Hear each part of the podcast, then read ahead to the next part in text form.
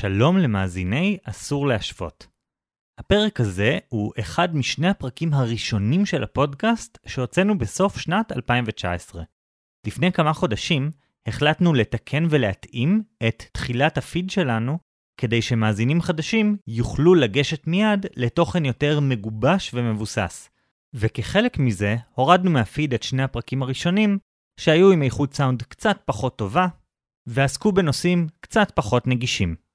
מה שלא יכולנו לדעת, זה שנקבל מכם הרבה מאוד הודעות על המחסור בפרקים האלה, ובקשות מפורשות להחזיר אותם לפיד. אז בעקבות דרישת הקהל, החלטנו להחזיר את הפרקים לפיד כפרקי בונוס. אם לא יצא לכם לשמוע, ובעצם גם אם כן, אנחנו בטוחים שתהנו מהם מאוד. אז תודה על המשוב לכל המאזינים שפנו אלינו, והאזנה נעימה לכולכם.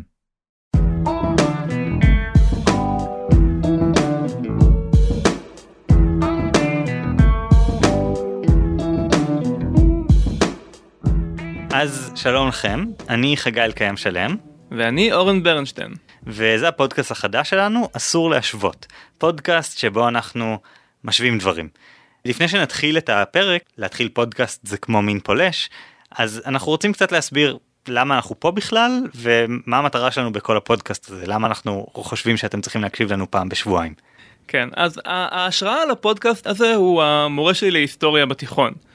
קראו לו ז'ראר, והיה לו משפט אלמותי שכל מי שלמד אצלו זוכר עד היום. הוא היה אומר, בגרות בהיסטוריה זה כמו אהבה.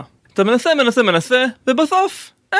ש, שאנחנו נראה לי צוחקים על זה כבר איזה 15 שנה על, ה, על המשפט הזה אבל מה, מה שמצחיק בזה ומה שרלוונטי בזה זה שזה מעניין לפתור בעיות להתייחס לכל מיני שאלות או סוגיות בעולם באמצעות תשובות ממקומות אחרים באמצעות הקבלות. כי יש אה, משפט כזה שמיוחס לאיינשטיין והוא בבירור לא של איינשטיין אבל לא ברור של מי הוא כן, אה, שאי אפשר לפתור בעיה באותה רמת חשיבה שבה היא נוצרה. כלומר אם אתה מתמודד עם איזושהי דילמה בחיים אז הפתרון הרבה פעמים יגיע מלקחת צעד אחורה ולהסתכל על זה מזווית שונה לגמרי כי הרי אם היית יכול לפתור את הבעיה הזאת מתוך עולם ההתייחסות שבו אתה נמצא אז, אז לא הייתה לך את הבעיה. כן, בעצם ז'רר רצה שנשתמש בידע שלנו על אהבה ונבין איך אנחנו צריכים להתייחס לבגרות בהיסטוריה. עכשיו, היו לו רעיונות מוזרים גם על הבגרות בהיסטוריה וגם על מה שתיכוניסטים יודעים על אהבה, אבל העיקרון עובד. כלומר, הדרך לתקוף בעיה שאתה לא מבין אותה, היא בעצם להשאיל את הכלים שכבר פיתחת מתחומים שאתה כן מרגיש אותם בנוח, ואז אתה תוכל בעצם להבין מאיפה מתחילים עם הדבר החדש הזה. כן, ואנחנו מסתכלים על הדבר הזה כעל מעין הזדמנות, כעל דרך לעשות שני דברים. אנחנו מצד אחד לא איזה פודקאסט עצות, זה לא המטרה שלנו עכשיו לתת לכם עצות על איך להתנהל בחיים, ומצד שני אנחנו לא נטו נגיד פודקאסט אה, חינוכי. כי אנחנו לא מתיימרים להיות uh, מומחים לכל נושא שנדבר עליו ואנחנו בטח לא מתיימרים uh, לדעת איך לייעץ לכם על החיים. אבל באיזשהו מקום אנחנו יוצאים פה למסע למידה. הרעיון הוא שבכל פרק נלמד דבר או שניים איזשהו מודל או שניים מהעולם וננסה להראות איך הוא רלוונטי לא באופן ארטילאי אה, ולא מחובר למציאות אלא מסביב לסוגיות שאנחנו אשכרה מתמודדים איתם ביום יום.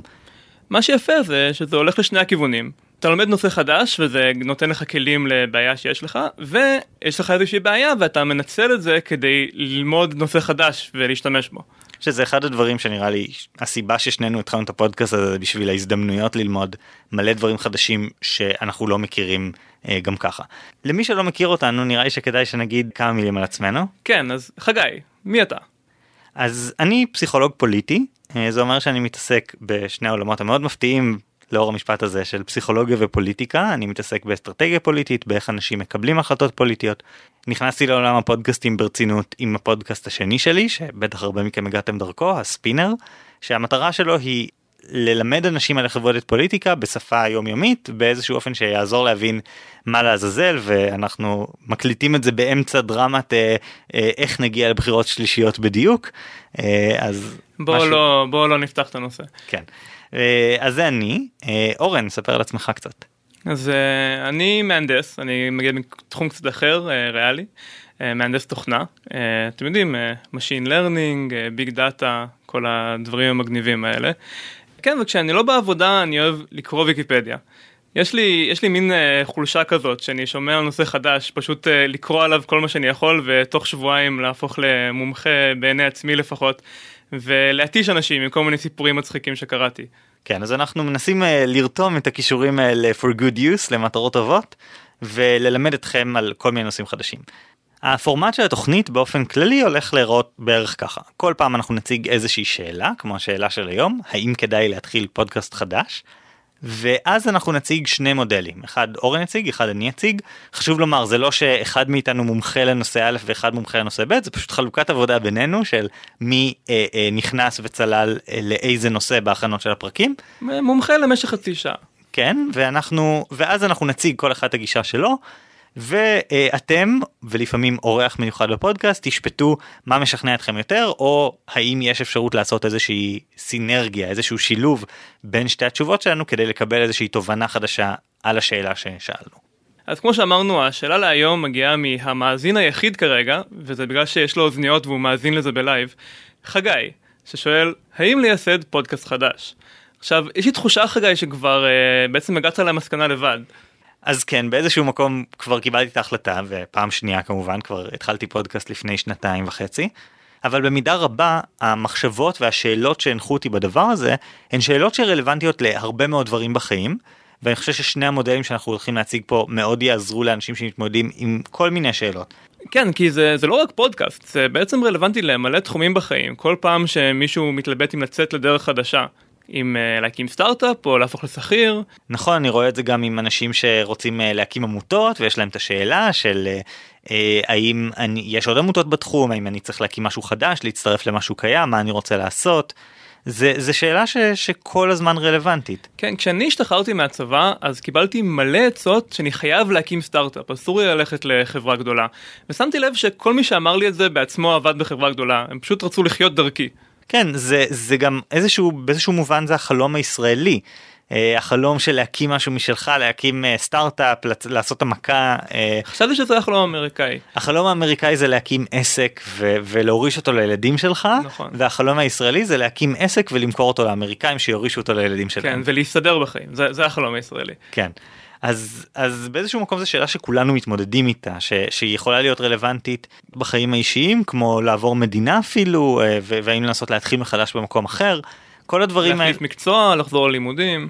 כל השאלות האלה זה שאלות של אה, האם ללכת באיזשהו מקום על בטוח לפעמים או לנסות משהו חדש האם יש מקום למשהו חדש האם אני אצליח. האם העולם צריך את מה שאני יכול להציע. אז אז זאת שאלה גדולה. אה, ולכן זה לא רק, אומנם אה, אנחנו נדבר בעיקר על פודקאסטים ועל ההקשר הזה, אבל זה רלוונטי להמון דברים ואנחנו ננסה לתת את הנגיעות האלה.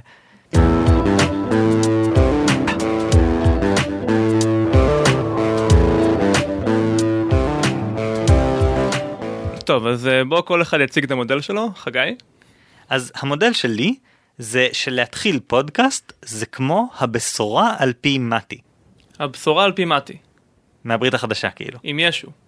עם, עם מתי וישו, כן. אוקיי, אתה תהיה שני.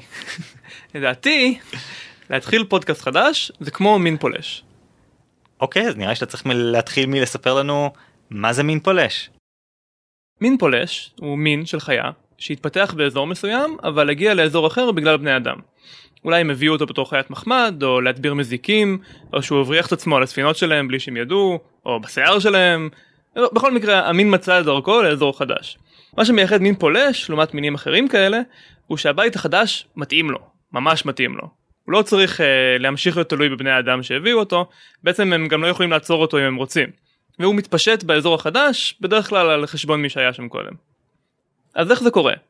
לפעמים זה פשוט עניין של מזל, יש מין שבמקרה מתאים מאוד לסביבה החדשה למרות שהוא לא התפתח שם. אבל יש גם מנגנון קבוע שמאפשר למינים לפלוש. אז כדי להבין את זה צריך לדבר קצת על אבולוציה. המין הפולש התפתח אבולוציונית באיזושהי סביבה, בעצם אה, מערכת אקולוגית מה שנקרא, ובסביבה הזו היו עליו לחצים מסוימים. אה, בוא ניקח דוגמה. נניח המין הפולש הוא טורף, והוא התפתח במערכת אקולוגית שהם היו מינים נטרפים שידעו לרוץ מהר. ככה יצא. אז מה שקורה זה שהטורפים שרצים לאט פשוט לא מצליחים לשרוד, לא מצליחים להתרבות, ועם הדורות הטורפים נהיים יותר ויותר מהירים כדי להצליח לתפוס את הנטרפים. וגם הנטרפים כמובן נהיים יותר ויותר מהירים בעצמם. ויש מין לולאה כזאת שגורמת למינים במערכת האקולוגית הזאת להיות ממש מהירים, יחסית למקומות אחרים. בינתיים, במערכת אקולוגית אחרת, אה, מהירות הייתה פקטור פחות חשוב בהישרדות של מינים, ולכן כולם איטיים יותר. אז כשבני אדם מביאים את המין הזה של הטורף מהסביבה המהירה לסביבה חדשה, זה קצת כמו להביא שחקן מליגת העל לליגה נמוכה יותר. הוא פשוט עליון על כולם. שוב, במובן הצר הזה של המהירות, הוא לא טוב יותר בלהיות חיה, אבל הוא מהיר יותר. ובעצם לאף מין מקומי אין תשובה, הם לא התפתחו בסביבה שדורשת מענה לטורף מאוד מהיר. במילים אחרות, כשבני אדם מזיזים מין ממערכת אקולוגית אחת למערכת אקולוגית אחרת, בהרבה מקרים למין הזה יהיה יתרון שלמקומיים אין איך להגיב עליו, ולכן תהיה לו הצלחה מסחררת והוא יזיק למינים המקומיים. אה, אז יש כל מיני דוגמאות לדבר הזה ויש שתי דוגמאות מוכרות מעולם הציפורים העופות בישראל. יש שני ציפורים פולשות מאוד חשובות בישראל, אה, הדררה והמיינה ההודית. הדררה זה התוכים הירוקים האלה שאתם בטוח ראיתם כי הם פשוט עושים ממש מלא רעש כשהם עפים בקבוצות בר, באוויר בערים הגדולות. כן, קשה לפספס כי הם בצבע ירוק בוהק. כן, ו- והשני זה המיינה. המיינה אגב היא אה, נבחרה להיות המין השלישי הפולש הכי חשוב בעולם באיזשהו סקר. זה ציפורים כאלה, איך היית מתאר אותם? הן שחורות חומות כאלה, אה, נגיד קצת יותר קטנות מיונה, עם מקור אה, כתום ומין כתום מסביב לעיניים. כן, הן ממש נראות כאילו הן הוצבו להיות סופר וילן של ציפורים. כן, זה, זה בדיוק מה שהן. אני, אני רוצה uh, לספר לכם קצת, זה, זה מוויקיפדיה, על ההשפעה האקולוגית של המיינה ההודית בישראל. המיינה היא מקוננת חורים, והיא מתחרה על אותם חורי הכינון עם מינים מקנני חורים מקומיים. דרור הבית, ירגזי מצוי, נקר סורי ושעיר. יש ציפור בשם שעיר. זה, זה כמו ינשוף קטן כזה. במחקר שנערך בפארק הירקון בתל אביב, נצפתה המיינה המשתלטת על אתרי כינון של דרורים ושל ירגזי, תוך שהיא דוחקת החוצה את הזוגות המקומיים. באחד המקרים נצפתה פלישה אקטיבית לתיבת כינון, בה כיננו זוג דרורים עם ארבעה גוזלים. המיינות הגיעו לתיבה והוציאו ממנה את הגוזלים, וכשבוע לאחר מכן נצפה באותה התיבה כינון של זוג המיינות. קיצור הן ממש אגרסיביות. כן, נוראים. הן גם נורא חכמות אם אני לא טועה. הן נצפו מגרשות פולשים כגון חתולים. וואו. אשכרה סופר נבל. ויש עוד מלא דוגמאות כאלה בפודקאסט uh, התשובה של דורון פישלר הוא מתייחס uh, הוא עושה פרק שלם על למה יש בתל אביב את האיכסה הזה של הפיקוסים שאתם אם הלכתם בתל אביב הוא נדבק לכם לנעל בטוח אז מה שהוא אומר שם זה שכשהביאו את הפיקוסים לארץ הם פשוט היו עצים שמפילים כאלה פירות עגולים וקשיחים על הרצפה ואז אתה בא עם מטאטא ומטאטא אותם והכל בסדר ואין שום בעיה. ואז כמה שנים עשרות שנים נראה לי אחר כך הביאו לארץ בטעות את צירת הפיקוס שבעצם אה, גורמת לעצים האלה להיות פוריים היא נכנסת לתוך הפירות שלהם ומפרה אותם ובגלל שהצירה הזאת הגיעה לארץ כל הפיקוסים מוצאים את ה... כאילו את הפירות שלהם במקום להיות קשים וקשיחים הם נופלים ומתפצלחים על הרצפה ויוצא כל האיכסה. אני מוטרד מהמשפט שאמרת שהביאו בטעות את הצירה לארץ. אם אני זוכר נכון את הפודקאסט ואני אהיה קישור בהערות הפרק לשמוע אותו למי שרוצה הנקודה היא שזה פשוט עבר בפירות. כאילו בן אדם מישהו הביא פרי אנשים אוכלים פירות של פיקוס או לא פרי רגיל הצרות האלה נמצאות בעוד כל מיני פירות בגלל זה יש פיקוח אתה רואה זה, זה מה שמטריד אותי שאני יכול בטעות להביא איתי צירה זה אומר שאני יכול גם בטעות לאכול צירה בפרי שאני אוכל. אז בעיקר אל תחשוב על זה אבל ככה הגיעו דברים כמו נגיד המחלות אה, המוות השחור שהגיע לאמריקה הגיע פשוט כי היו עכברים על הספינות ו... כן זה במיוחד נוראי באיים. מספיק חתול אחד שמביאים אותו למאוריציוס איפה שהיה דודו והוא יכול פשוט להרוג את כל הגוזלים של דודו על האי כי הדודו לא יודע איך להתגונן. כן ויש יש גם את הדוגמה של uh, פבלו אסקובר uh, שהביא לגן חיות הפרטי שלו היפופוטמים שפשוט לא היו מהאזור והם כן. שם עד היום. כן uh, פשוט אם תסתובבו בקולומביה באזורים הלא נכונים אז יש שם היפו בנהרות מסתבר שזה לא כל זה שונה מאפריקה אז קחו לתשומת לבכם. אז, אז זה, זה הדבר המטורף של מינים פולשים שאנשים גם מביאים אותם לפעמים כהי ראיתי אה, צמח מאוד יפה שם בוא נשתול אותו כצמח נוי במדינה אחרת. ואז הצמח הזה משתלט על הכל. זה לפעמים בכוונה זה לפעמים בטעות אבל אבל זאת בעיה קשה של ב, בכל העולם כל מדינה יש לה את הבעיות שלה.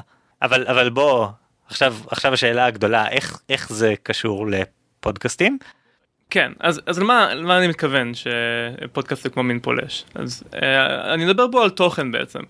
מערכת אקולוגית במקרה הזה זה כמו מדינה שיש בה שפה מסוימת, אז זה בעצם יוצר בידוד. אז בישראל יש איזה שהם פודקאסטים עם תכנים מסוימים שהתפתחו עם השנים והם מתחרים אחד בשני.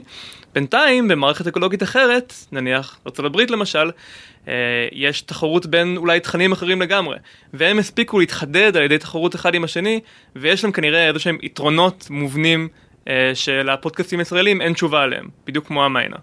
אז בעצם אתה אומר אם נביא איזשהו תוכן שהוכיח את עצמו במקום אחר ואין אותו כאן, אז אנחנו, הוא אמור להצליח כי זה כנראה תוכן שמצליח.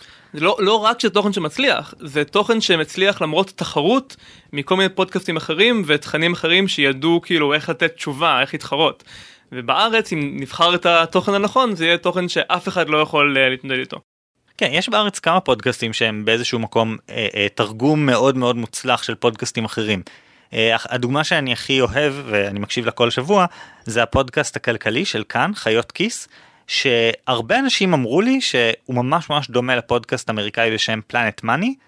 וכשהקשבתי לפלנט מאני ממש המבנה דומה, הסוגי תכנים, איך שהם מחברים הרבה נושאים לשאלות כלכליות ושאלות של כסף. היה לחיות כיס פרק שלם על טחינה ועל בצל ו, ופלנט מאני גם עושים דברים שאיכשהו יש להם קשר כלכלי, יש להם אספקט כלכלי, צד כלכלי כלשהו, ואז הם מדברים עליו. אז הם בעצם לקחו את הדבר הזה והכניסו אותו לתוך המערכת פה, אה, ש, שבה לא הייתה לו תחרות אמיתית מהסוג הזה.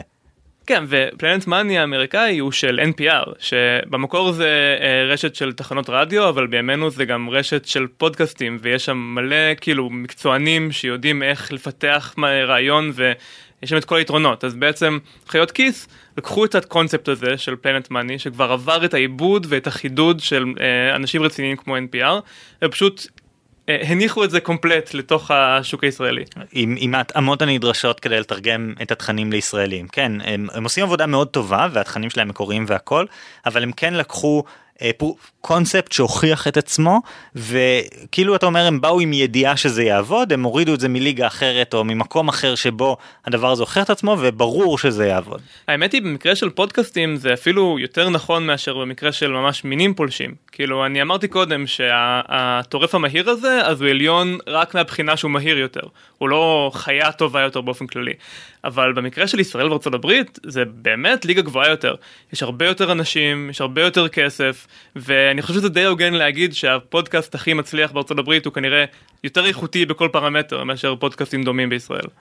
כן אבל הצד השני של זה הוא שישראל שונה שבאיזשהו מקום כשאתה מנסה לתרגם דבר כזה אתה צריך לשים לב גם להבדלים. למשל אני יודע שאחד הז'אנרים הכי מצליחים בארצות הברית הפודקאסט הכי מצליח בהיסטוריה נכון זה סיריאל אה, הפודקאסט על טרו uh, קריים מה שנקרא פודקאסט שמתעסקים בו בפשע אמיתי ולחקור סוגיה אמיתית.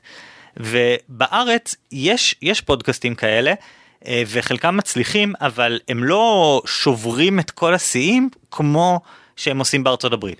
אז בעצם אתה אומר שלישראלים פחות אכפת מפשע אמיתי? אני לא יודע, אני גם לא... או שאולי uh, המשטרה בישראל לא חוקרת מספיק uh, בצורה מקצועית כדי לתת את התוכן שצריך לכזה תוכנית? או שלהפך, המשטרה כל כך טובה שאין פה... כן, סליחה. אה, אבל... חגי, אמרנו בלי פוליטיקה. כן. אבל, אבל הנקודה היא שהחוויית חיים האמריקאית היא חוויית חיים שבה פשע זה דבר הרבה יותר נוכח. אה, זה הרבה יותר נמצא בחדשות, יש הרבה יותר חדשות מקומיות ממה שיש פה, הן הרבה יותר חזקות החדשות המקומיות.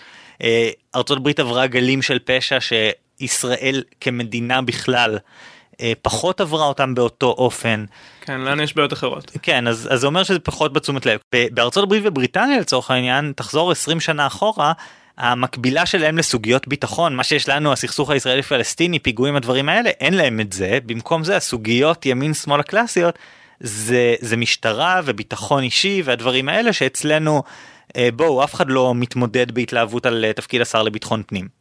אוקיי, okay, שכנעת אותי שזה לא עד כדי כך פשוט, שהם פשוט טובים יותר מאיתנו, למרות שאני עדיין קצת חושב את זה, אבל זה עדיין אומר שאפשר עם קצת זהירות, עם קצת פינצטה, לבחור את הפודקאסט שהוא באמת מחודד יותר ושיש לו את, ה, את היתרון המטורף הזה כמו של מין פולש. בדוגמה שלנו עם הטורף המהיר, זה לא רק שהוא נהיה די מהיר, אלא יש ממש אה, לולאת פידבק שבו הטורף נהיה מהיר יותר, ואז הנטרף נהיה מהיר יותר, ואז הם נהיים יותר ויותר מהירים במין כזה התפרצות מטורפת של, של איכות בתחום הזה, אה, ואפשר להגיע ככה ל, לרמה מאוד גבוהה. אגב, אה, הטורף ממשיך לתפוס אותה כמות בערך של, של נטרפים, אה, גם כשהוא הרבה יותר מהיר. זה מה שביולוגים קוראים לו אפקט המלכה האדומה, זה על שם אה, המלכה האדומה מאליס בארץ המראה, שאומרת שאצלה במדינה חייבים לרוץ בשיא המהירות רק כדי להישאר במקום. אז בעצם עם הדוגמה שלנו, באמת צריך להמשיך להשתפר ולהשתפר ולהשתפר רק כדי לשמור על אותה, אותם תוצאות שקיבלת במקור. כלומר, בדוגמה שלנו, הטורף צריך לרוץ יותר ויותר מהר כדי להמשיך לטרוף את אותה כמות נטרפים. או בכל תחום אחר, אם יש טורף עם uh, ראייה טובה יותר ונטרף עם הסוואה טובה יותר, אז אחרי כמה מאות דורות הסוואה תהיה מטורפת ומושלמת, ועדיין הוא ייתפס באותה מידה, כי הטורף במקביל שיפר ושיפר את הראייה שלו. אז מצד אחד אני שומע את מה שאתה אומר ואני מבין את זה מבחינת התוכן כי אם אתה הולך לטבלת אה, לא יודע 100 פודקאסטים הכי טובים בארצות הברית ואתה מסתכל על התוכן ומוצא שם תוכן שאין לו ייצוג בישראל אז אז יש בזה איזשהו משהו הנה תוכן שנלחם ונלחם ונלחם בכל המערכת ועכשיו הוא ממש טוב וברור שהוא הולך להצליח. הצד השני של זה הוא ש, שזה לא האלמנט היחיד שאתה יכול להיות עם תוכן מעולה אבל פודקאסט אמריקאי ממוצע זה צוות הפקה של איזה עשרה אנשים עורכי סאונד ואנשים שעושים ראיונות בשטח והכל מתוקתק ברמת השניות. כן, זה, זה מה שהמלכה האדומה עושה, נכון? הם התחילו בבן אדם אחד במרתף או משהו, וכדי להמשיך להשיג אותו נתח שוק כמו קודם, היו חייבים להשתפר. ואחד הדברים שאני שומע הרבה פעמים, אה, אה, נותנים עצות ליוצרי פודקאסטים חדשים ואומרים להם, אה, פשוט תעשו, פשוט כאילו שבו עם מיקרופון ותתחילו. יש בזה איזשהו אלמנט של תתחיל ותלמד, אבל מהצד השני, היום, אם, אם לפני עשר שנים היית יושב בבית, הקלישאה היא יושב בתוך הארון בגדים, שם יש אקוסטיקה טובה, ומקליט אה, אה, פודקאסט, אז היום זה כבר לא עובד. היום אם אתה מוציא פודקאסט, גם אם התוכן שלו טוב, אבל המיקרופון שלך לא טוב, וראיתי את זה קורה, יש קבוצת uh, טלגרם, uh, פודקאסטים בישראל, יצא פודקאסט חדש שהם השקיעו נורא במרואיינים ובתוכן וזה, וכל התגובות היו, אבל המיקרופון שלכם לא טוב. וגם זה מרוץ חימוש מאוד חזק אתה לא יכול להתחיל היום פודקאסט עם המיקרופון הבילט אין של הלפטופ שלך. אתה זה, זה לא עובד אתה צריך גם התחרות הזאת היא בעוד לבלים אם יהיה לך את התוכן המושלם אז בגלל בדיוק אותו אפקט שאתה כאילו שואל ממנו כשאתה מסתכל על תוכן שהצליח בחו"ל, בגלל אותו אפקט הדרישות ממך הן הרבה יותר גבוהות. הפודקאסטים בישראל הם עוד לא ברמת ההפקה של ארה"ב מלבד מעטים, אבל הם מגיעים לשם ואתה כבר לא ושומעים את זה ואתה תחטוף על זה ביקורת אז תוכן זה לא מספיק. כן, זה נכון שגם בארץ הרמה הולכת ועולה עם איזשהו אפקט מלכה אדומה מקביל, אבל זה לא אומר שאי אפשר עדיין לנצל את האפקט של המין הפולש כדי לקבל קפיצה גדולה במרוץ הזה של המלכה האדומה. ובסוף, אם יש לך את התוכן הכי איכותי, זה בסוף מה שקובע. אה, כמו שאומרים האמריקאים, content is king. אז, אז אני מסכים איתך באיזשהו מקום, ואנחנו נעשה את הסינרגיה בסוף, זה גם נדבר על זה שזה אחד השיקולים שהוביל לפודקאסט הזה, הנושא של התוכן. אבל אני רוצה לנסות אה, לתת קונטרה ולהציג זווית אחרת, את המודל שלי. אוקיי, uh, תהמם אותנו.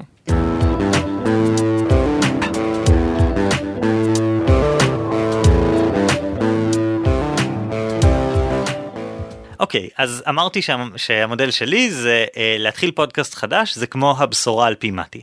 עכשיו, האמת היא שאני לא באמת רוצה להציג את הבשורה על פי מתי, זה clickbait, כי ככה דברים עובדים היום. אה, המודל האמיתי שלנו הוא מודל שנקרא התקשרות העדפתית, שסוציולוג בשם רוברט מרטון נתן לו את השם אפקט מתי, על שם אותו המתי, אה, בגלל האופן שבו האפקט הזה מנוסח באמת בבשורה על פי מתי. כי מי שיש לו נתון יינתן לו ושפע יהיה לו, אך מי שאין לו, גם מה שיש לו יילקח ממנו. זה בעצם העיקרון שמאחורי התופעה שלפיה העשירים נעשים עשירים יותר והעניים נעשים עניים יותר. אז אה, אפקט מתי זה מודל ספציפי והוא לא בדיוק מכסה את כל הנושאים של התקשרות העדפתית אז בואו נסביר את המודל הכללי יותר. אה, והדוגמה שאני אתן היא מתוך הספר The Model Thinker של הסופר סקוט פייג' והדוגמה שהוא נותן שם זה של אנשים שמגיעים לאוניברסיטה וצריכים להחליט לאיזה תא סטודנטים להצטרף. עכשיו בואו נדמיין בשביל הדוגמה הזאת את המציאות הלא בדיוק מדויקת שכל הסטודנטים נכנסים לתאים. אז מגיע סטודנט ראשון לאוניברסיטה, מה הוא עושה? הוא מקים תא סטודנטים משלו, כי ברור שאין לו תא להצטרף אליו, אה, והוא היחיד שנמצא שם. הסטודנט השני שמגיע, יש איזשהו סיכוי שהוא יקים תא סטודנטים משלו, אבל יותר סביר שהוא יצטרף לתא של הסטודנט הראשון, כי הוא לא רוצה להיות לבד בתא. יהיה איזשהו סטודנט מתישהו שיקים עוד תא. אה, אבל זה לא, אבל רוב הסטודנטים יעדיפו להצטרף לאחד קיים. אז אחרי עשרה סטודנטים, נגיד, יכול להיות שאנחנו נראה שלושה תאים. אה, נראה תא סטודנטים אחד גדול, התא הראשון שהוקם ויש לו שבעה חברים, אה, תא שני שיש בו שני חברים, ותא שלישי שיש בו רק בן אדם אחד שייסד אותו ובינתיים הוא לבד. אה, ואז כשמגיע הסטודנט ה-11 לתוך הקמפוס הזה, יש סיכוי מאוד קטן שהוא יקים את הסטודנטים משלו, כמו כל הסטודנטים הקודמים, אבל אם הוא מחליט להצטרף לתא קיים, אז לצורך העניין יש סיכוי של 70% שהוא יצטרף לתא הגדול שיש בו שבעה חברים, 20% שהוא יצטרף לתא שיש בו שני חברים, ו-10% שהוא יצטרף לתא שיש בו חבר אחד. Uh, המספרים הם מומצאים לצורך הדוגמה לגמרי, כלומר זה לא, אין איזה מודל קבוע של מה הסיכוי שתצטרף לקבוצה, אבל אם נצא מהמספרים עצמם, זה מספר לנו סיפור די מוכר. Uh, רוב האנשים יעדיפו להצטרף לתא הסטודנטים הגדול והמצליח, שמשדר לכולם שהוא גדול ומצליח, ופחות אנשים יחליטו להצטרף לתאים הקטנים, וזה ייצור איזשהו מצב שהעשירים, כלומר הגדולים נעשים גדולים יותר, והקטנים נשארים קטנים. אז זה בעצם המודל של התקשרות העדפתית. אנשים יעדיפו להצטרף למקום שיותר אנשים כבר יצטרפו אליו. אז נגיד אם אה, לוקחים את זה לרשתות חברתיות, ברור שאנשים יעדיפו להצטרף לפייסבוק ולא לגוגל פלוס, וברור שאנשים יעדיפו לגור בעיר גדולה יותר ולכן אה, אה, גוש דן נעשה גדול יותר אה, וערים בשאר הארץ נעשות קטנות יותר.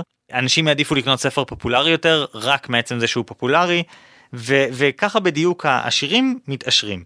ואם אני לוקח את זה לעולם של פודקאסטים אז התשובה שלי היא ש- שהדבר הכי חשוב שאתה צריך לשים לב אליו זה לא התוכן שלך זה איך אתה מביא מספיק אנשים לפודקאסט כדי שהוא יצליח.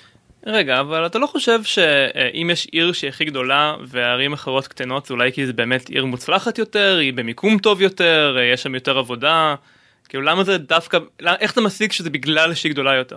תראה, זה יכול להיות שהיא טובה יותר, יכול להיות שבהתחלה היא הייתה טובה יותר, אבל באיזשהו שלב, עצם זה שיש שם יותר אנשים, יגרום ליותר אנשים להגיע. למשל, אם אנחנו אה, מסתכלים על גוש דן, אז גם אם יש בתל אביב משהו פחות טוב, יש בה... מחירי המ... דיור. מחירי דיור, אה, המזג אוויר, כל מיני דברים כאלה. אה, אין איפה לחנות. כן, יש מלא בעיות. אה, כל הבתים ממש ישנים ומכוערים. וואו, אני, ואורן הוא זה שגר ב, בתל אביב מבין שנינו. יש מלא חתולים והם עושים קקי על כל המדרכות. סליחה, על מה דיברנו? מה שהיה להוכיח, אבל הנקודה היא שמצד שני, מה שקורה זה, אה, יש שם הרבה אנשים. אז אה, כשחברה תצטרך להחליט איפה היא מקימה את ה-headquarter שלה, את הבסיס שלה, איפה לפתוח משרדים, היא תפתח אותם בתל אביב כי שם כבר יש אנשים והיא תמצא, יש יותר אנשים, אז היא תוכל לסנן יותר אנשים, כי אם היא תפתח ביוקנעם, אז יהיה לה יותר קשה למשוך אנשים, ואם היא תפתח בדימונה אז עוד יותר. אה, ולכן היא תלך למקום שיש בו יותר אנשים ואז מגיעות עוד חברות והחברות האלה משלמות מלא ארנונה ואז העירייה נותנת שירותים יותר טובים ואז הרחובות יותר נקיים ואז נפתחות יותר מסעדות מסביב לעסקים האלה כי יש להם איפה לעשות כסף. והדברים האלה פשוט יוצרים יתרון גודל שהרבה יותר קשה לך להתחיל בעיר קטנה. בגלל זה בארץ ממש רואים את זה איך מביאים את אינטל לקריית גת. פשוט משלמים להם פשוט אומרים להם קחו הטבת מס ענקית כדי לבוא לקריית גת מתוך הנחה שאולי איכשהו זה יניע את, השרשרת הזאת. ובאיזשהו מקום אתה רואה ברחבי העולם הרבה ערים שהם בלוקיישנים לא לא הכי מדהימים אבל הן מצליחות הערים האלה כי כי הן גדולות והן פשוט באיזשהו אפילו צירוף מקרים היסטורי הפכו להיות גדולות הפכו להיות המרכז וזה אומר שלא יהיה איזשהו סיכוי למשוך את המרכז למקום אחר. האמת שזה נכון, אה, סאול למשל, הבירה של דרום קוריאה היא איזה 30 קילומטר מהגבול עם צפון קוריאה והיא תחת איום טילים כבר איזה 70 שנה, אבל אנשים לא עוזבים. כן, כי ברגע שהעיר שם, גם אם יש יתרונות לעיר אחרת, יהיה נורא קשה להפוך אותה לגדולה יותר ומצליחה יותר ולמשוך אנשים. גם היום אתה רואה את זה כל עיר. אה, שבוע שעבר הייתי ברחובות. עכשיו רחובות היא במיקום מאוד טוב בסך הכל, לא על הים שזה מפריע לאנשים אבל מיקום מרכזי קרוב להרבה מקומות המזג אוויר שם פחות נורא מתל אביב בהרבה מובנים. אה, ועדיין נכנסתי לרחובות וראיתי את השלט רחובות עיר המדע והתרבות. ואז אתה רואה את הדבר הזה ואתה מבין שיש פה ניסיון שכל עיר בארץ בערך עוברת אותו למיתוג, לנסות לייצר קטע, לייצר תוכן לעיר, למצוא איזה משהו שמיוחד בעיר הזאת ואז באמצעותו למשוך אנשים לבוא. ואתה יודע חולון היא עיר המוזיאונים ותל אביב לא צריכה כלום היא כאילו עיר ללא הפסקה אבל היא, זה מיתוג שהתחיל בשנות התשעים אם אני לא טועה כש... תל אביב הייתה מקום יותר פחות טוב. והדברים האלה משפיעים אבל העניין הוא שכל הדברים האלה להתערבויות שמנסות לשנות איזשהו מצב היסטורי שנורא קשה להיאבק בו. אז בעצם מה שאתה אומר, אם ניקח את הדוגמה של הערים, שזה לא משנה איזה מין תוכן ייצרו או מה ראש עיר יעשה כדי להפוך את העיר ליותר אטרקטיבית, זה כבר הכל קבוע מראש, כולם הולכים ללכת לתל אביב. לא, זה לא לגמרי קבוע מראש, כי לערים יש אה, אה, דעיכה ועלייה וזה מחזורים ש, שרואים אותם בהיסטוריה. לניו יורק היו שנים קשות לפני כמה עשרות שנים ולתל אביב היו כמה שנים קשות. אה, ירושלים עכשיו בשנים יותר קשות לעומת נגיד שנות ה-80 שהיו שנים יותר חזקות. אה, אלה דברים שמשתנים. יש אה, עלייה וירידה וככה זה ערים והכל בסדר אבל מה שלא יהיה מה שלא נעשה לצורך העניין הסיפור הגדול של ירושלים שהוא הפיקציה התדמיתית על ירושלים זה שהיא מתחרדת נכון היא לא באמת מתחרדת היא, היא יותר חופשית ויש יותר מקומות לצאת אליהם בשבת ממה שהיו לפני 10 שנים נניח נניח שאתה לוקח את התדמית הזאת עד הסוף, עשר שנים קדימה, באמת נגיד ירושלים תתחרד.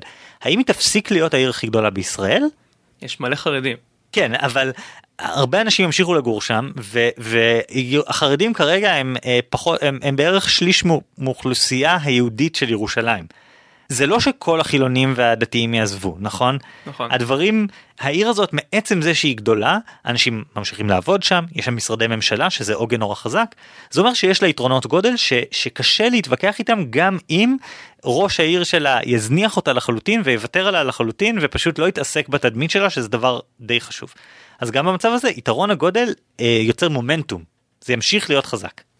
כן, אז בעצם אתה אומר שאין שום טעם לייסד דברים חדשים, כי כל דבר חדש מתחיל בגודל אפס, ולכן מובטח שאף אחד לא ירצה ללכת לשם, כשיש כל כך הרבה דברים קיימים ומבוססים שכולם יעדיפו ללכת אליהם. יש, יש מובן שבו זה נכון, אם תסתכל על טבלת הפודקאסטים המצליחים בארצות הברית, אתה תראה שכמעט כולם שייכים לרשתות.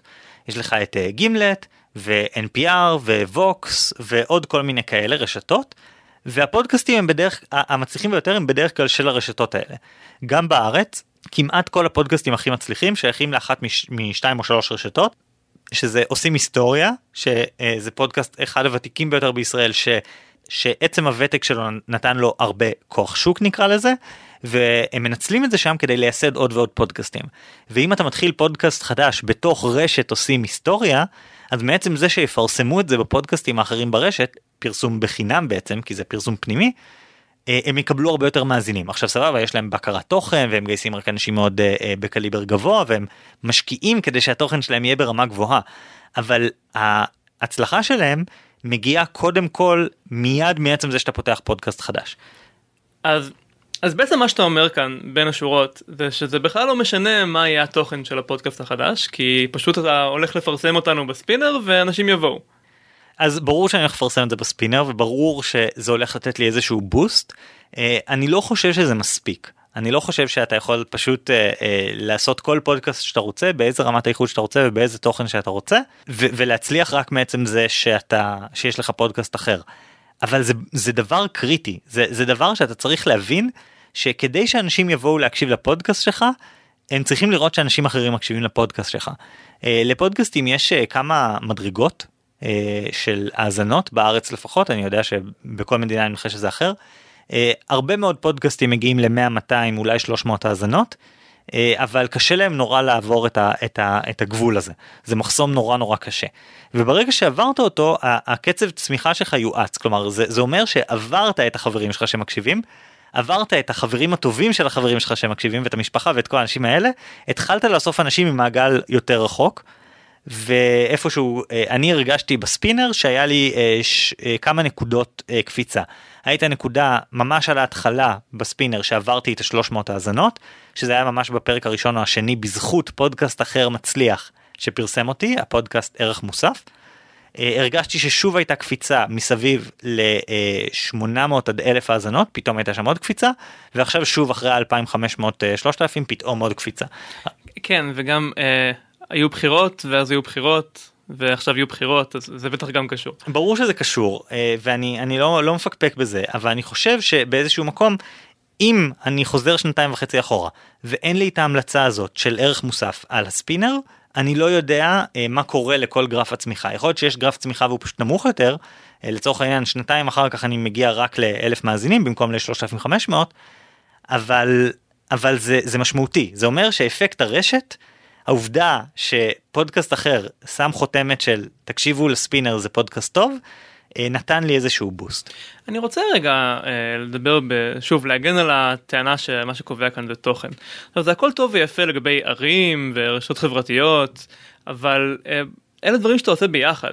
כשאתה אה, חי בעיר אז חשוב לך שיהיו עוד, עוד אנשים שיגורו בעיר ויבנו עסקים ויבנו מסעדות. אה, ברשת חברתית כמובן אתה רוצה לראות מה החברים שלך עושים אבל פודקאסט או משהו כמו ספר זה משהו שאתה עושה עם עצמך אתה לבד עם האוזניות בבית אני לא בטוח שאתה רוצה לדעת שכל החברים שלך שומעים אותו דבר. אולי דווקא להפך, אולי במקרה של פודקאסט אתה רוצה להיות מיוחד ולדעת לשמוע משהו שאחרים לא שמעו ולהיות מסוגל לספר להם אחר כך אה, מסביב לשולחן הארוחה איזושהי עובדה שהם לא שמעו עליה.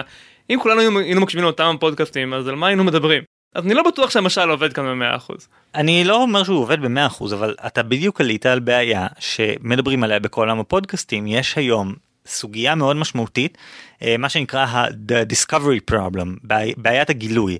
אה, אם אתה רוצה למצוא סדרת טלוויזיה חדשה אז נכון שאתה תקבל המלצות מחברים אבל אתה גם תיכנס לנטפליקס והוא ילמד אותך וימליץ לך על דברים נכון ואותו דבר עם מוזיקה אתה תיכנס לספוטיפיי והוא יגיד לך אה אנשים שמקשיבים למוזיקה כמו שלך שמעו גם את זה אותו דבר עם ספרים אמזון אתה תיכנס לאמזון ואני משתמש בזה עד היום אני מחפש ספרים חדשים באמצעות לראות מה אמזון ממליץ לי כי הוא יודע קולע מאוד טוב. ובפודקאסטים אין את זה. בפודקאסטים כל הטבלאות הם אה, טבלאות עם אה, איזושהי נוסחה לא ברורה אף אחד לא יודע מה נכנס לטבלאות של אפל זה בבירור לא מייצג את מספר האזנות הקומפלט הנכון אה, של פודקאסטים בישראל לצורך העניין ובעולם בכלל. יש להם איזושהי נוסחה שאף אחד לא יודע מה, נכנס אליה. אבל זה אומר שאתה ש, שקשה נורא לגלות דברים חדשים. נגיד שאני הקלטתי משהו עם תוכן מדהים אפילו עם איכות מדהימה אבל אני בן אדם אה, בלי המון חברים, אה, יש לי רק 100 חברים בפייסבוק נניח, ואז אני מתחיל פודקאסט חדש. אני בבעיה, כי איך אנשים, איך אתה, שלא שמעת עליי מעולם, איך אתה הולך לשמוע על הפודקאסט שלי? אין, אין תשובה לזה. עכשיו, אתה יודע, אני אה, התעסקתי בזה, נגיד, אה, אני ועוד הרבה פודקסטרים ישראלים ניסינו פרסום אומן בפייסבוק, להגדיר קהל יעד ולפרסם לו. זה כמעט אצל כולם יש הסכמה בנושא הזה שזה לא עובד. שאתה שם על זה כסף ואתה מקבל אה, אחד משלוש מאות אנשים במקרה הטוב שראו את המודעה שלך או אחד ממאה לפעמים. אתה יודע שפייסבוק בדיוק שילמו פיצוי של 100 מיליון דולר על זה שהם שיקרו בנתונים של הפרסום שלהם. יכול להיות אבל זה לא משנה את זה ש, שיש פער. אתה משלם ואתה לא רואה קליקים. בניגוד אגב לאתרי אינטרנט עמודי פייסבוק אה, שמבוססי טקסט אתה מסוגל למשוך אנשים לקרוא את העמוד שלך אבל קשה לך לגרום להם לצאת לאפליקציית פודקאסטים. אגב זה הגיוני. תחשוב על אין לך דרך לגרום לבן אדם להקליק בפייסבוק ולהיכנס לאפליקציית הפודקאסטים שלו ושהכל יעבוד חלק. נכון? זה לא עובד. אז נורא קשה לגרום לאנשים לצרוך תוכן חדש. אבל כשאתה מפרסם בפודקאסט פודקאסט חדש, אז הבן אדם הוא באפליקציה. אולי הוא נוהג כרגע או משהו כזה, אבל הגדלת את זה, אתה הגעת לבן אדם שא' מקשיב לפודקאסטים, ב' ברגע זה ממש מקשיב לפודקאסט וכנראה משתמש באפליקציה, רוב האנשים עדיין משתמשים באפליקציות, והתוצאה של כל הדבר הזה זה שהסיכוי שהוא יקשיב לפודקאסט חדש עלה פלאים, כי זה הולך לקהל מושלם. כן, אני, אני רואה מה אתה אומר, ובעצם במודל של המין הפולש יש כאן איזשהו חלק חסר. המין הפול... החתול שמגיע למאוריציוס כדי לאכול את כל הדודואים, אין לו בעיה למצוא אותם, כי הוא יכול להסתובב פיזית בעולם, או המיינה שרוצה את החור כינון של הירגזי, היא, היא עפה לשם. ובמקרה שלנו של הפודקאסט לא ברור איך אנחנו גם אם יהיה לנו מין פולש ממש טוב איך נמצא את הקורבנות כדי לטרוף אותם לצורך הדיון. אה, אז אולי בעצם צריך לייצר איזושהי סביבה שבה אנחנו יכולים לקפוץ מפודקאסט לפודקאסט כמו שמיינה קופצת בין אה, כן לכן ולהרוס את הדומיננטיות שלנו. אז השיטה הכי טובה לעשות את זה היא לשלם ולקבל פשוט אה, חסות בפודקאסט אחר זה עובד. אני דווקא חשבתי להתארח ולהיות אורח כריזמטי שמעפיל על המנחה. זה גם דבר שקורה אנשים מזמן הבינו שאחת הדרכים אה, למכור את הספר שלך או את הפודקאסט שלך או כל דבר כזה זה להתארח במקום אחר. אבל מהצד השני כל מי שיש לו פודקאסט שהוא כבר מצליח יודע את זה. כן אבל שוב זה, זה עניין של תוכן. הפודקאסטר השני הוא זקוק לתוכן לי יש התוכן האיכותי גם בפודקאסט שלי אבל גם בתור אורח אז אני הוא צריך אותי וזה מה שמביא לי את הכוח אני אבוא ואני אתארח ואני אתן לו את הבידור שהוא מחפש והוא לא יודע שבסוד אני מושך את הגוזלים שלו מהקן ומשליך אותם לרצפה. אבל אני חושב שזה הנקודה הוא כן יודע. הוא כן כאילו פודקסטרים מבינים אני לצורך העניין אם היה פונה אליי עכשיו אה, פודקסטר צעיר ש... שנכנס לעולם הפוליטי ורוצה לעשות פודקאסט פוליטי חדש לא מיד הייתי אומר לו בוא תתארח עזוב את זה שאצלי זה פודקאסט שאין לו כל כך רעיונות זה לא הקטע אבל אתה לא היית אומר פה הוא קטן אין לו סיכוי התקשרות העדפתית מה זה מזיק אני יכול לנוח חצי שעה בזמן שהוא מקשקש. אה, ממש לא הייתי אומר את זה. כי א' יש איזה עיקרון שחבר טוב אה, לימד אותי אל אה, תשמור על הרעיונות שלך בסוד זה לא עוזר לך אף אחד לא באמת יגנוב לך את הרעיון כי החלק הקשה ברעיונות זה להפיק אותם.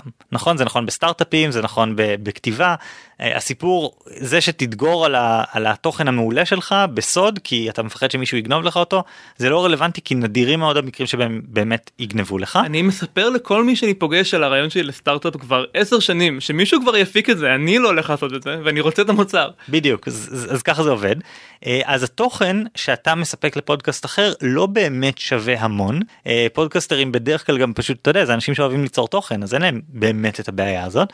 אה, והצד השני שכשאתה מסתכל על הפודקאסטים הגדולים הם בוודאות מודעים לזה הם בוודאות יודעים שה-seal of approval החותמת שהם נותנים לפודקאסט אחר שאומרים זה פודקאסט טוב שווה מלא. והם יבינו את זה והם אה, אולי ידרשו חס... כסף על חסות אולי הם פשוט will play hard to get אולי הם יסננו אם זה פודקאסט שמראיין אנשים אז הוא יסנן אנשים לפי אה, מי בא לעזור לי מי באמת יעזור לפודקאסט שלי לגדול ולא מי בא לעשות עליי סיבוב זה דבר מורגש אבל תראה אני אני רואה מה שאתה אומר לגבי תוכן אבל אנחנו רואים את זה כל הזמן בעולם הסטארט-אפים ו, ולצורך העניין גוגל פלוס רשת חברתית שרוב מי שהשתמש בה אמר וואלה היא הרבה יותר טובה יש בה אה, פיצ'רים הרבה יותר טובים אבל ריק פה. זה זה מזכיר לי עיקרון אחר ש, שנקרא path dependency שאומר אה, החלטה קטנה שאפילו מקרית שהייתה בתחילת הדרך משפיעה על כל המשך הפיתוח. אה, אז פייסבוק הפכה להיות הרשת הדומיננטית ולכן היא הרשת הדומיננטית כמו עם ערים שדיברנו וכמו עם פודקאסטים ואתה לא יכול להתעלם מאפקט הרשת הזה. טוב גם אה, מינים פולשים זה path dependency כמו שאתה אומר בזה שבדוגמה שלי אה, איזושהי מערכת אקולוגית התחילה בדגש על מהירות ואז קיבלנו את המינים הכי מהירים.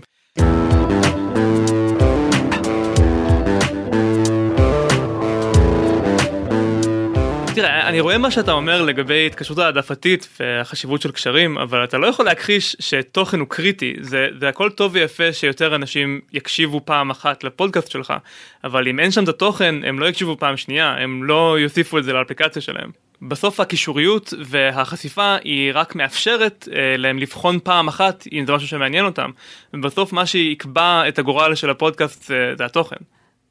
ולכן באיזשהו אופן אני חושב ששנינו צודקים, ש, ששני הרכיבים האלה נכונים, ותכלס כשאני מסתכל על זה, בעצם זה מה שעשינו פה, נכון? אני פניתי אליך לפני אה, כמה חודשים, אמרתי בוא נעשה פודקאסט חדש, יש לנו את התשתית להתחיל, יש לנו מאיפה להשיג קהל ראשוני שיקשיב לפחות פעם אחת.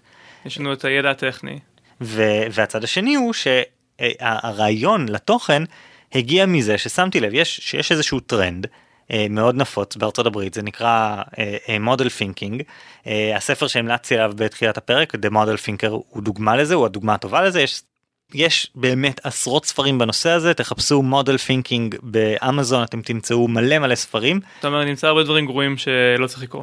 כן, אני קראתי כמה מהם ואני יודע מה זה, אני, ולכן אני אומר ש-The Model Thinker הוא דוגמה לספר שעושה את זה טוב, אבל הנקודה היא שזה קטע, זה באמת נהיה איזשהו קטע, ההסתכלות וההבנה שבעיות בעולם הן דורשות פתרונות ממקומות אחרים, ושרעיונות לא צריכים להישאר רק בתחום שבו הם הומצאו, ושמסה קריטית זה מפיזיקה אבל זה רלוונטי לשיווק של שירים, והתקשרות העדפתית זה מהעולם של מדע הרשתות, אבל זה רלוונטי לשיווק של דברים, הרבה דברים רלוונטיים לשיווק. אבל... הספרים האלה הם כולם בתחום שיווק, נכון? שיווק ועזרה עצמית.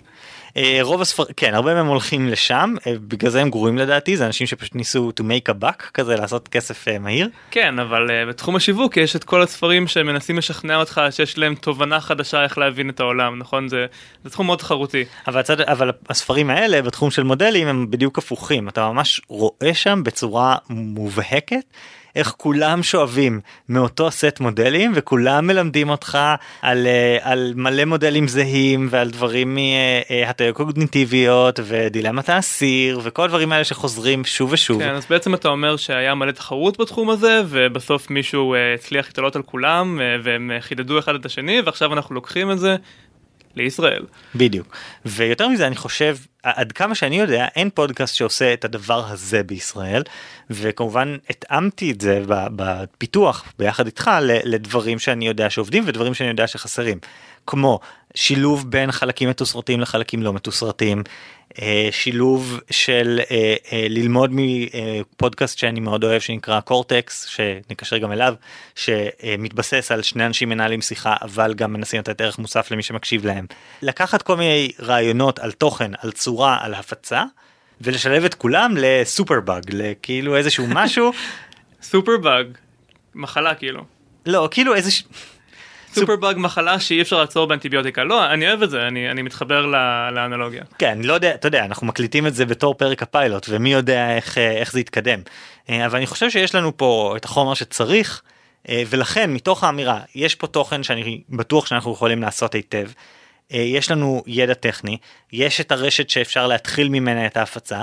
כל הדברים האלה ביחד התחברו והיה לי ברור שאפשר לעשות את זה ושכדאי לעשות את זה. אה, אני אוהב את מה שהגענו כאן כי זה לא רק פודקאסטים זה רלוונטי לכל התחומים האלה שדיברנו עליהם. נניח אם אתה מנסה להחליט אם אתה רוצה להקים סטארט-אפ לעומת ללכת לעבוד בגוגל או משהו אז uh, זה נכון צריך גם את התוכן צריך גם את הרעיון החזק אבל זו רק ההתחלה ואחד הדברים החשובים שצריך חוץ מתוכן זה לדעת עם מי לדבר גם מבחינת משקיעים גם מבחינת למצוא עובדים uh, למצוא מי שייעץ לך ויחזק אותך הרבה פעמים חברה גדולה קיימת בתחום ההייטק היא זו שתשקיע בך ותכווין uh, ממש כמו רשת פודקאסטים. אז ההיגיון הזה עובד גם שם. ומהבחינה הזאת אגב חברות גדולות כל הזמן מנסות לייצר מוצרים חדשים שאם הם היו סטארט-אפ הם לא היו מנסים אותם כי הם יודעים שיש להם יתרון הגודל.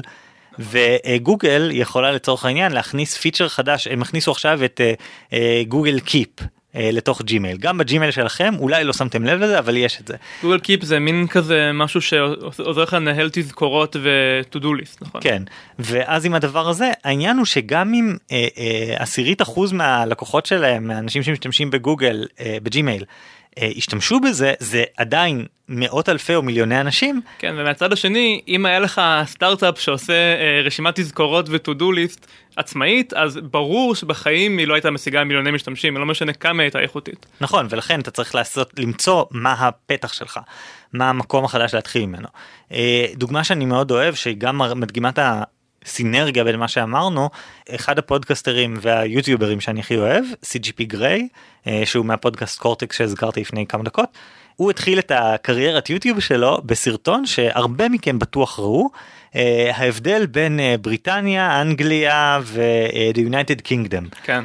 וזה סרטון ש, שמה שהוא סיפר על זה אחר כך זה שהוא ממש חשב על איך אני מעצב את הסרטון המושלם כלומר היום זה לא בסטנדרטים ש, שהוא הגיע אליהם אבל אז זה היה ברמה מאוד גבוהה יחסית. אה, איך אני מייצר סרטון שאני אעבוד עליו עד שהוא יהיה ממש ממש ממש ממש ממש טוב אז לוודא שהתוכן כמה שיותר טוב וגם הצורה הטכנית והכל. אה, אבל הדבר השני שהוא חשב זה איך אני מנגיש את זה איך אני גורם לאנשים לראות את זה אה, ופה הוא אמר הלכתי לרדיט לרדיט של R United Kingdom.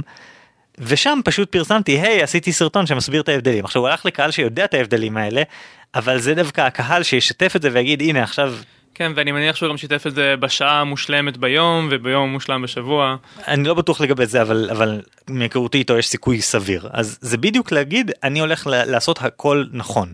אז אותו דבר עם סטארט-אפ, כאילו יש לך כאילו אפליקציית to do list חדשה, אז תלך לרדיטים של פרודוקטיביות, תמצא אנשים שימליצו לך בפודקאסטים שלהם, תן להם, תשלח את המוצר כן, בחינם כן, לאנשים. מה, שבד, מה שבדרך כלל קורה זה שבונים את המוצר המושלם ואז הולכים להיקנות על ידי חברת ענק והיא כבר תדאג לאייבול. נראה שזה מה שעושים בישראל אבל זה לא כאמור זה לא החלום האמריקאי כמו שדיברנו בהתחלה.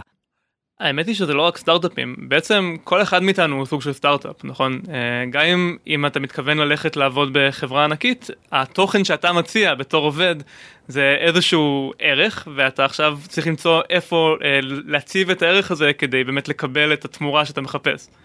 זהו, אז אתה צריך להבין מה, מה, מה יש לך שאין לאחרים מצד אחד, ומצד שני אתה צריך לצורך העניין להבין שאם אתה, אה, יש לך כישורים מאוד טובים, אבל אתה לא מגיש קורות חיים לאף מקום, אז אתה, אתה לא באמת מפיץ. החברה בעצם, גם אחרי שאתה מתקבל, החברה היא כמו סוג של רשת פודקאסטים כזאת, נכון? הם ייתנו לך את הגיבוי והם יביאו לך את, את הלקוחות ואת התשומת לב ואת הכסף. אז אה, אם אתה חושב על עצמך בתור סטארט-אפ שנקנה, זה אולי אה, פרספקטיבה מועילה יותר לקריירה שלך. ויש את זה גם מהצד השני הרבה אנשים שרוצים להיות עצמאים נגיד בתחום שלי של אה, ייעוץ אה, אסטרטגי או ייעוץ אה, או marketing פרסום הדברים האלה זה די ברור שהדרך להתחיל היא מלעבוד כשכיר.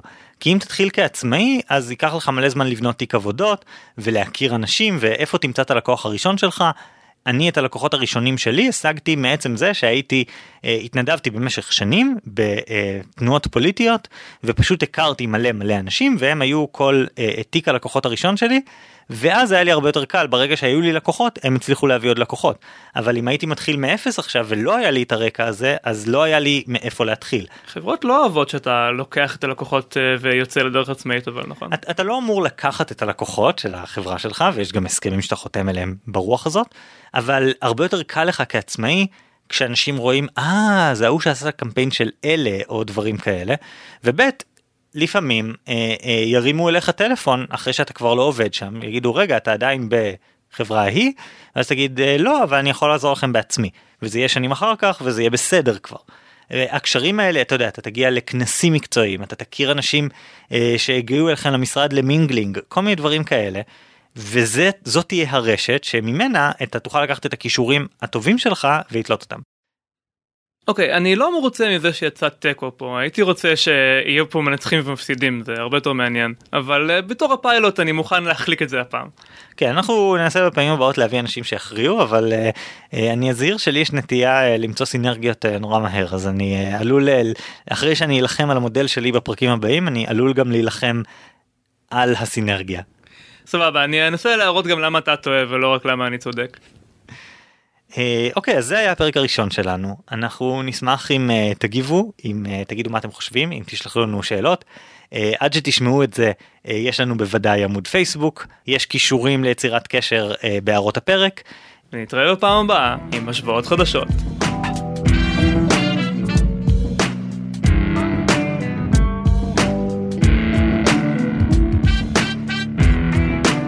בזמן שמוזיקת הסיום מתנגנת, בתקווה שאכן השגנו מוזיקת סיום, אה, בואו קצת ניתן לאנשים חלון לגבי איך בכלל הגענו לכל הדברים שגילינו, לשני המודלים שבחרנו.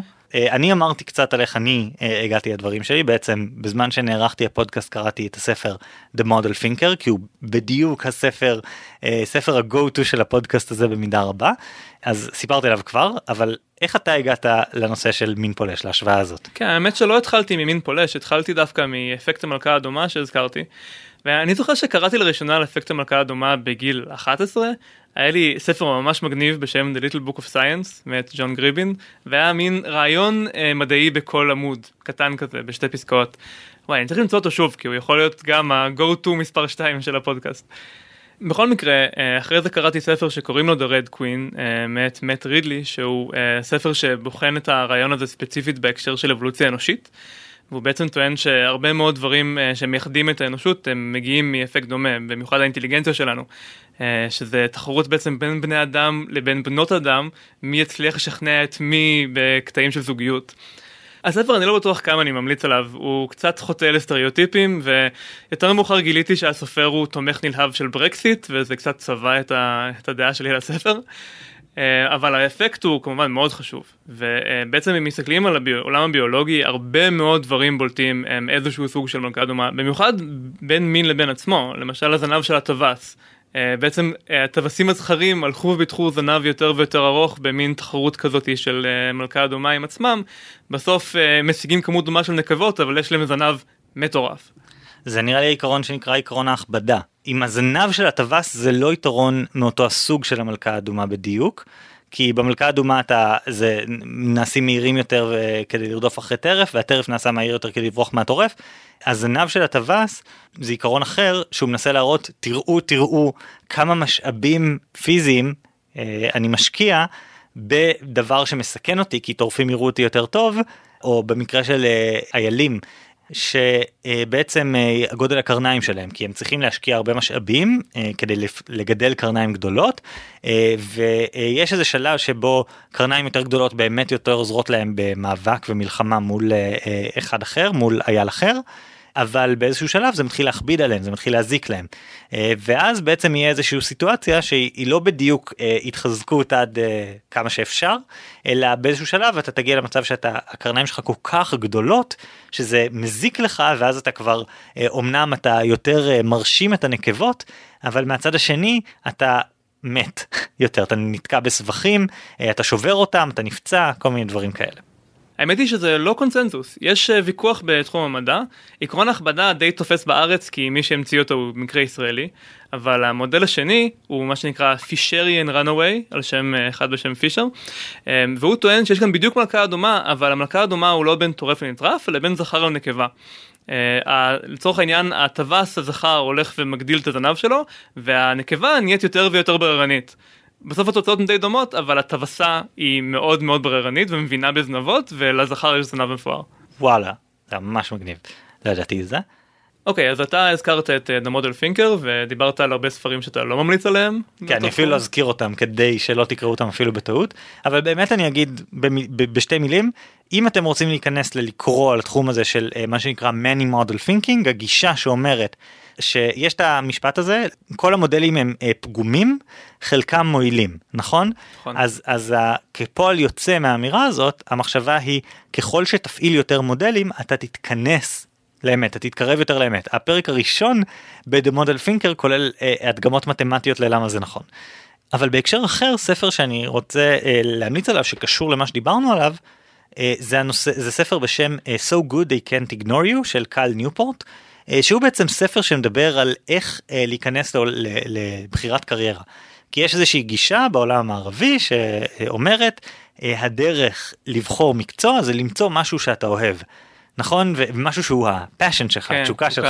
האמת היא שזה מעניין שבכלל לא הזכרנו את המילה הזאת תשוקה בכל הפרק. כן והיא מאוד נוכחת אצל פודקסטרים נגיד הרבה פעמים אנשים שאלו אותי מה אתה התחלת פודקאסט כי יש לך מטרה עסקית או שזאת התשוקה שלך והייתי והתגובה שלי הייתה ברור ששניהם באיזשהו מקום. אבל הצד השני הוא שכל התרבות המערבית אה, אה, של היום מדברת על follow your dreams אה, יש איך המשפט הזה הולך? תעבוד במה שאתה אוהב ולא תצטרך לעבוד יום אחד בחייך נכון? שאני לא מסוגל להבין מי אומר כאילו כל דבר הוא עבודה. אני עובד בעבודת חלומותיי וזאת עבודה. אני חושב שאנשים לא מבינים כמה כל הרעיון הזה הוא חדש. כי רוב ההיסטוריה לא היה לאנשים אופציה בכלל להחליט מה, במה הם עוסקים, וכשניתנה להם האופציה הם ניסו לעסוק במה שירוויח להם יותר כסף וישיג פרנסה למשפחה שלהם. והרעיון שתשוקה היא פקטור כאן לדעתי בת 50 שנה אולי פחות. כן זה, זה בערך הקנה מידה. ו... הספר הזה של קל ניופורט אומר שלא רק שהרעיון הזה חדש ו- ובאיזשהו מקום זר לכלכלה האנושית ולהסתכלות האנושית, אלא שיותר מזה הוא לא מועיל.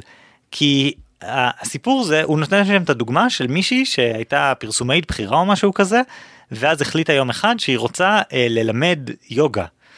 היא התפטרה מהעבודה שלה והלכה ללמד יוגה ואז היא גילתה שהיא לא כזאת מורה טובה ליוגה היא אוהבת יוגה כפרקטיקנטית כמי שעושה יוגה אבל היא לא טובה בהכרח בללמד את זה אין לה מאיפה להשיג לקוחות והיא איבדה מלא כסף בדרך.